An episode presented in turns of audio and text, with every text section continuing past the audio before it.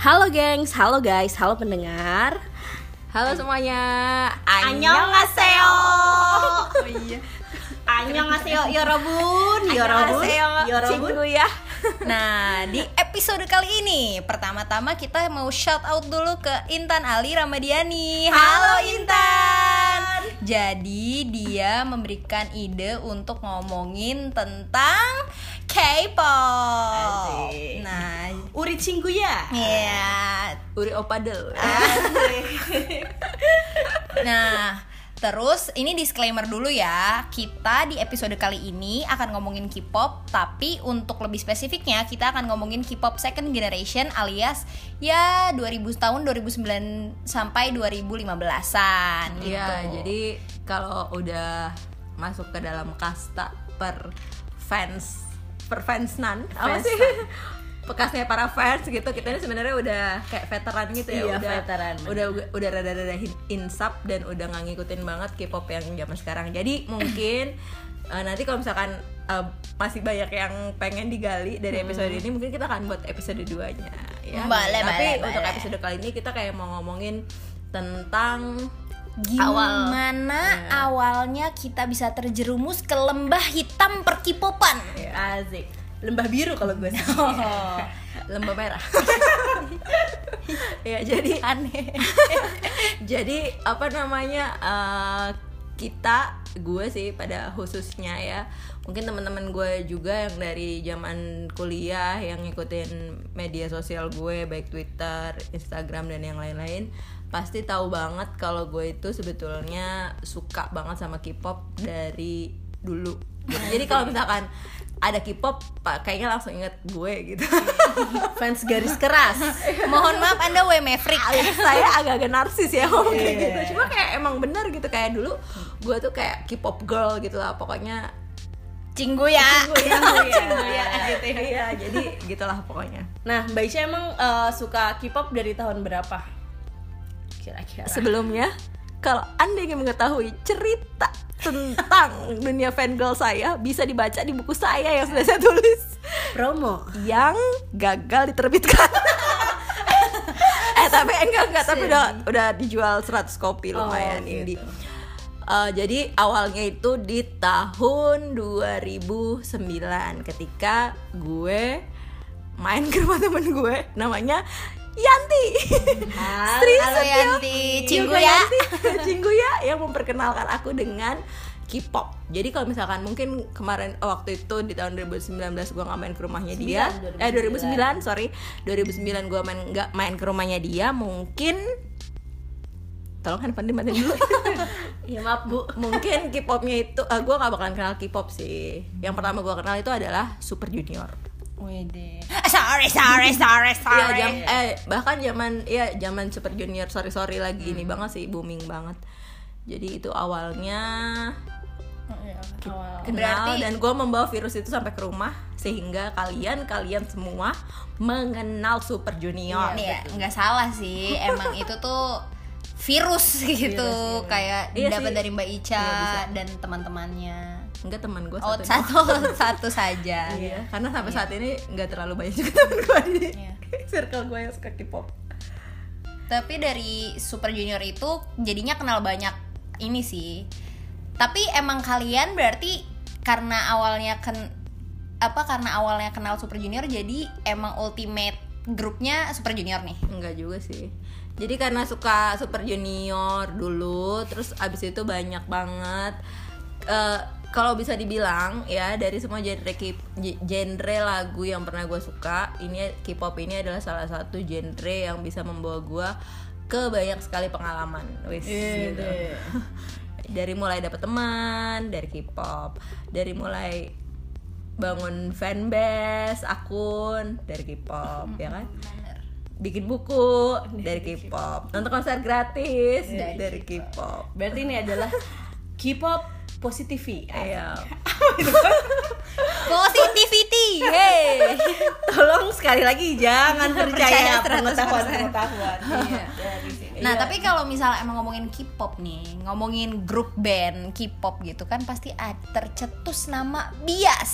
Nah, eh iya Bias untuk yang kalian nggak tuh tahu siapa? eh tapi banyak juga yang nggak tahu bias itu apa sih Iya benar. sebenarnya gitu. Kemarin tuh temen gue ada nih baru banget nih nge-tweet dia nanya bias tuh apa ya? Soalnya adik gue ngomong kok bias-bias? So- dia kan dokter gigi Bias kan. Cahaya.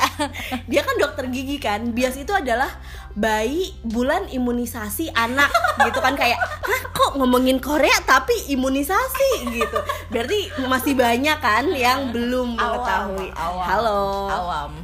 awam. siapa? Lagi Kenapa halo? Haloin siapa? gue mau ngomong tapi kayak gak enak gitu.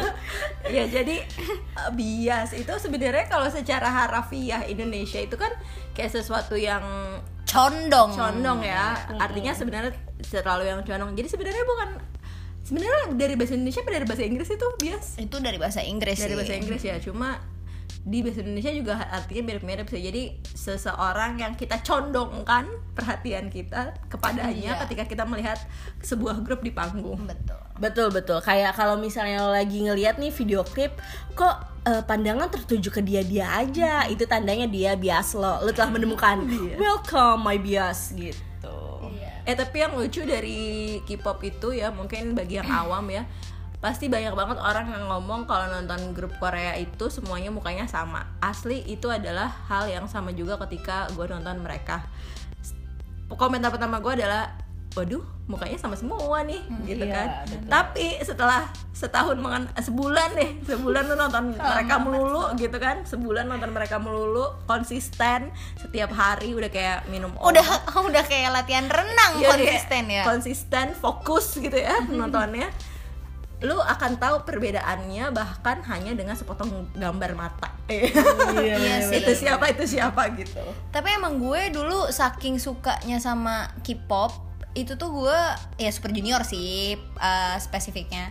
Itu tuh gue sampai sekarang bahkan bisa ketika no- dengerin lagu itu tuh gue tahu itu suaranya Oh, iya, siapa iya. gitu. Asik, iya, bener, Beneran bener, iya bener, gak sih kayak Enggak sih gua mah aku iya gitu. Suara, masih agak Enggak kalau itu tuh sampai sesuara-suaranya gitu. Ih gila banget ya. Bingung. Bingung. menghabiskan Iya. pikirannya untuk sesuatu yang Nah, balik lagi pertanyaan, siapa bias kalian dan hal apa saja yang sudah kalian lakukan untuk eh, da- atas nama dia gitu, Atas untuk nama dia Bang Ipul bang Ipul kembali Iya jadi bias apa ngomongin bias Bias, bias, bias, pertama siapa apa gimana bias? nih? Ya ultimate Ya, deh, ultimate, ultimate, ultimate, bias. ultimate bias mungkin yang dari Super Junior ya. Iya. The one and only wes. Jeng jeng jeng the Magna of the group weh. the voice of the group. The hands of the Iya, iya, iya. nah coba coba coba Coba penasaran nih Iya. pendengarnya. Itu adalah Cho Kyu Hyun ya. Cho Kyu Hyun itu sebenarnya Cho Kyu Hyun kan bener ya Iya, bener. dia tuh eh, bias gue pertama di Super Junior yang bisa Eh, mohon memberikan maaf. banyak Tapi nggak mungkin bias pertama anda Super Junior itu Kyuhyun. Apa? Yang jelas adalah Siwon. iya Enggak. kalau Eh, Siwon enggak, bias kita semua Iya, Siwon bias kita semua. Siwon itu terlalu general gitu kayak nggak spesifik gitu. Terlalu Boy William gitu ya.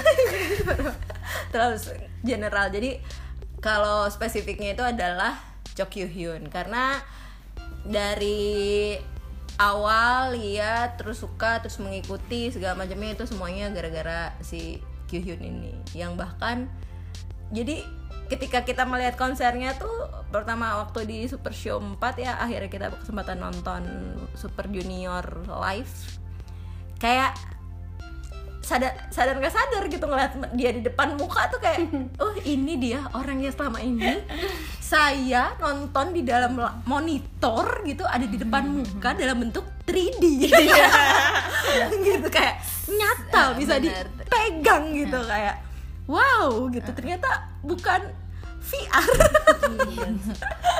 Iya. Gitu jadi kayak gitu deh. Terus Iya. apa hal yang paling wow untuk Shoh Kyu Hyun yang telah Mbak Isha lakukan apa ya gue sih kayaknya nggak pernah melakukan hal-hal yang negatif sih ya arahnya positif arah boleh. positif semua Iya, ya positif boleh. gue bisa membawa Bener. ke apa sih ke, ke- kegemaran kesukaan, ini kegemaran. ya kegemaran ini ke ke hal-hal yang positif. ya kayak tadi yang gue bilang gue bisa dapet temen dari oh ya untuk yang awam juga ya kalau misalkan temen lu adalah fan girl K-pop biasanya biasanya nggak semuanya sih biasanya mereka itu punya dua akun media sosial. Media sosial yang utama itu biasanya Twitter. Jadi biasanya karena waktu itu di awal-awal K-pop itu belum diterima masyarakat Iya Indonesia. betul betul betul. gue tuh selalu merasa guilty gitu guilty feeling. Kalau mau nge-tweet ngupdate status tentang Korea gitu ya akhirnya gue mikir untuk ya udah deh gue bikin second account aja. Bukan untuk ini ya bukannya di hater hater julid kayak sekarang ya. Cuma untuk melampiaskan eh, apa sih teriakan-teriakan gue di tweet gitulah ibaratnya. Uh, fangirling gitu spazzing over di opa gitu. Jadi supaya ada tempatnya aja wadahnya. Dan ternyata dari second account itulah gue menemukan uh, beberapa teman yang bahkan sampai sekarang jadi akrab banget gitu. Dari teman terus gue juga uh, jadi mimin ya. Oh iya bener Jadi- Jadi, sebenarnya ini tuh kayaknya harus diganti sih judulnya menjadi wawancara eksklusif dengan admin G fangirl thing. Iya, mohon maaf ya jadi saya kadang-kadang merasa wonder juga gitu. Kok bisa saya membangun sebuah fanbase Iya, benar dengan followers 30.000 ribu di Twitter tanpa bot follower Iya benar-benar. bener-bener dari nol gitu Jadi, Dan pada saat itu K-pop tuh masih kayak dunia gelap iya, gitu, dunia gelap kayak hitam. Iya, bener. ibarat lo beli handphone lo beli handphone di black market gitu Iya, benar-benar. Bener sih. jadi ya emang itu tempatnya jadi karena merasa tidak punya tempat untuk eh, menyuarakan kesukaan K-pop itu akhirnya bikin media-media lain yang akhirnya bisa tahu ternyata gue nggak sendirian ternyata ada temennya juga yang sama dan yang lain-lain. Akhirnya dari situ justru membuka peluang untuk eh, mencoba kesempatan-kesempatan Iya. yang baru. Nambahin misalnya koneksi. ya nambahin koneksi. Bener banget sih. gue jadi bisa kenal sama beberapa promotor yang bikin konser. Waktu itu pernah bi- bantu juga untuk jualin tiketnya. Terus pernah dikasih tiket gratis juga Iya, bener. sebagai media gitu karena tiga puluh ribu followersnya Sebenarnya kalau sekarang itu tuh kayak wow bisa dibeliin pulsa kalau dijadiin rupiah. kayaknya gue kalau misalkan zaman dulu influencer itu udah stabil gue bisa jadi influencer Iya benar, Bener juga sih. Benar juga. Benar. eh nggak boleh ria gitu tapi sombong iya tapi emang ini sih kalau eh, emang bisa melarikan kesukaan kita Ke arah yang ke arah yang positif. positif itu tuh semua pasti akan ada jalannya gitu. Iya. kayak aku kalau aku sih sebenarnya emang aku kan eh, ini cerita juga mendapat teman juga sih. Kayak aku dulu suka berarti 2009 itu aku masih SD kelas Ya Allah. 5 iya.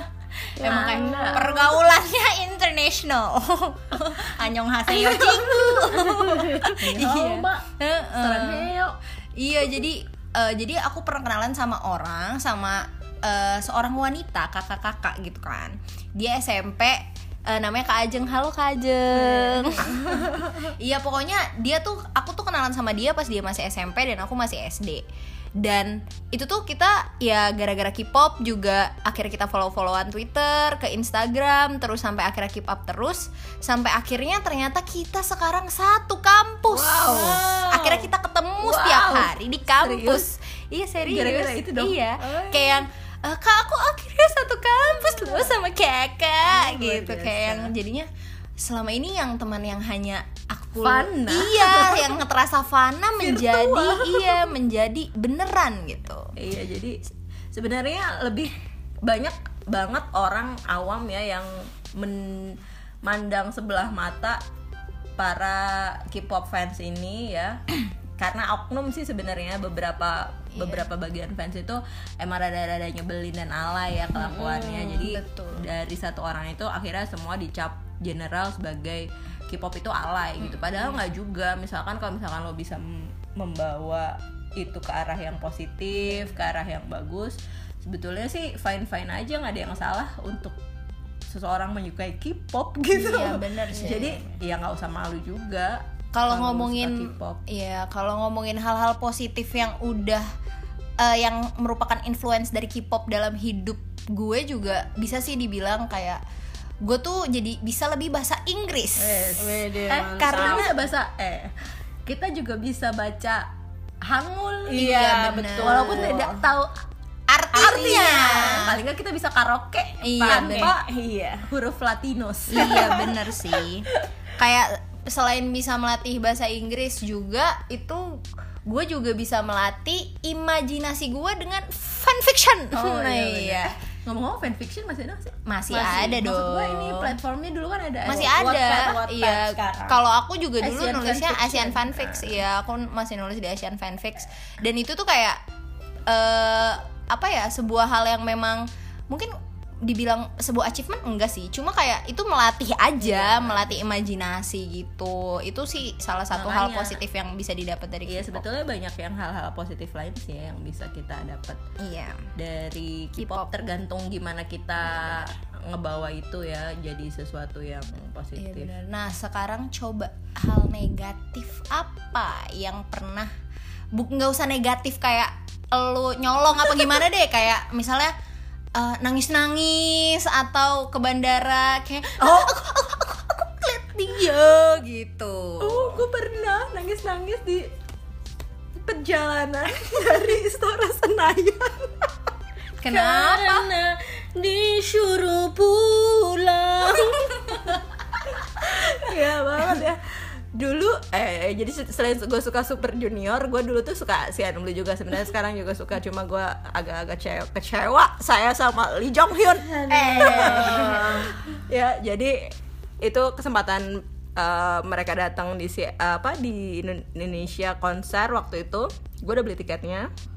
Udah siap untuk nonton ya. Terus gue berangkat lah ke venue sana dan ternyata ya karena gue sebagai anak yang tidak mau menjadi anak durhaka ya dan tidak mau menjadi anak durhaka yang melawan orang tua jadi pada saat itu dibutuhkan di rumah untuk uh, standby dan orang tua minta untuk pulang. Padahal itu lagi udah udah di venue coba bayangin udah di venue.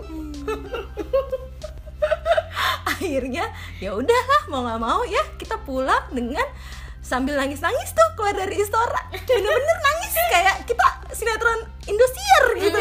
Menangis karena dilarang nonton konser. nangis habis itu nangis ya udah. Akhirnya ya nggak apa-apa juga sih setelah dan harus diingat juga ya sebenarnya no big deal gitu lo nggak bisa nonton konser lo nggak bisa mensupport artis atau lo nggak bisa beli album. Jadi jangan terlalu memaksakan lah. Jadi karena banyak anak-anak zaman sekarang tuh yang memaksakan. karena Sampai terakhir nipu-nipu. tau nggak terakhir gue baca yang baca nggak yang di eh, viral viral viral viral? Viral. Yang viral. ya yang viral ada abang gojek yang cerita kalau dia berusaha nyari duit untuk beliin anaknya album BTS ya ampun yang harganya minjem eh NCT atau BTS gitu ya. Yang harganya tuh ya kita tahu lah harga album K-pop kan nggak cuma 100 ribu 99 ribu. Kan harganya bisa sampai 500 ribuan Iya, gitu. betul. dan si abang Gojek ini cerita kalau dia eh, mau nyari duit buat anaknya beli album si grup Korea ini. Dan gue miris banget gitu kayak boleh lo suka tapi kalau bisa lu jangan ngerepotin orang gitu untuk bener sih. untuk apalagi orang tua gitu untuk sesuatu yang sebetulnya nggak bagian dari kebutuhan pokok gitu. Kan fan girl opa-opa ini kan hmm, tersier. tersier ya kalau dalam ilmu ekonomi. Kebutuhan girlan ini adalah kebutuhan-kebutuhan Tersier. tersier. Lu nonton konser lu beli album itu semua adalah kebutuhan yang mewah yang tersier yang kalau ada ya udah beli kalau nggak ada ya udah nggak usah dipaksa. Jadi nggak ada tuh namanya kasta-kasta lu bisa ya ada sih sebetulnya cuma cuma ini aja gitu apa namanya eh, jangan terlalu memaksakan dan mempush gitu sesuatu itu untuk biar bisa lu dapetin dengan cara menyusahkan orang lain. Iya benar. Kalau aku juga ini sih, kalau hal-hal negatifnya tuh bisa, eh aku kayak apa ya? Ngapain ya? aku jadi lupa ah, ya udah deh anda dulu anda pernah nggak Kalau gue kayaknya Negatif. untuk ke K-pop karena gue anaknya tidak positif-positif banget ya Kayak banyak negatifnya, nggak negatif sih kayak banyak isengnya Contoh, bias gue kan Reebok Reebok itu ulang tahun di bulan Juni Gue pernah, itu kan gue masih SMA ya. Kayak uang jajan gue tuh tidak sesultan itu. Gue pernah memberikan donasi untuk ulang tahun Reebok Yang ada di Korea oleh fanbase di Indonesia. Ah kayak mohon maaf itu duit saya mau dibuat apa? Kayak lumayan seratus ribu seratus ribu gitu loh. Terus akhirnya tapi akhirnya kita juga nggak tahu maksudnya apakah itu memang nyampe ke dia atau enggak kita kan nggak tahu kan cuman dia percaya aja. Terus gue juga pernah eh, pernah suka sama Yukis. Yukis itu eh eh, sorry sorry Shiny yang kita ke TVRI malam-malam. Itu halu banget kayak eh itu gua ada- nonton. Iya gara-gara ini kakak kita nonton nih jadi satu kita mau ikut. draw. iya jadi Iya. kita mau ikut terus kayak malam-malam minta anterin sama bapak kita ke TVRI dari Tangerang ke TVRI pas nyampe TVRI udah sepi. Kayak mohon maaf ini ada apa gitu datang ke TVRI itu sih lebih banyak kayak aneh-anehnya gitu. Effort useless gitu Iya, ya jadinya jadi iya sih. jadi apa namanya eh kalau kita nggak terlalu banyak sih sebenarnya ya hal-hal yang iya nggak sih? Hal-hal oh gue pernah paling. Salah satu hal-hal negatif yang pernah gue lakukan adalah bashing another Oh artist. iya bener bener bener banget. Itu yang mau ngomongin. Fan war sih itu fan war Ya, banget. fan war. Gue dulu gue akuin gue adalah bagian dari oknum-oknum akun yang ikut fan war. Dulu zamannya Suju ngelawan Girls Generation dan FX oh aku nggak tahu itu enggak maksudnya karena waktu itu SM dulu katanya kan memperlakukan Suju sebagai anak tiri. Oh iya banget sih itu sebuah isu dan yang kayak menjiwai ya say isu Dan- sosial. dan terus yang paling ininya lagi ketika Kyuhyun digosipkan pacaran sama Victoria. Wah bukan lagi. Gue katain? Mbak-mbak konter. Padahal nggak padahal mukanya dia sendiri juga belum tentu secakep Victoria. Lebih ke mbak-mbak warnet. Kesal. Kesal. Iya aku juga pernah tuh ngata-ngatain eh, kasus eh, menjenguk teman Lee Hyuk Jae dengan Ayu ya. Iya Ayu Ting Ting. Iya sumpah itu kayak ya apa Raffi Ahmad? Oh iya bener. Ih astagfirullahaladzim. Ya Allah lam- lambe Lambe-lambe, banget. iya lambe lambe-lambe. banget. Astagfirullah kok melenceng? Iya itu aku juga ngata-ngatain Ayu sih. Enggak sih enggak cuma saat itu sampai sekarang. Sumpah Parah, kayak parah. ada iya parah. Iya tapi memang kayak membekas sih. Itu sih yang kayak agak sulit membedakan kadang. Kayak itu tuh kadang-kadang sebuah hanya apa ya itu tuh masalahnya mereka gitu masalahnya mereka dan kita tuh sebenarnya harusnya ikut-ikutan eh, eh, ngapain ikut-ikutan dan itu tuh itu tuh kayak sulit sih untuk membedakan kadang eh, apa sih ngebatesin kalau kita tuh cuma fans gitu sih.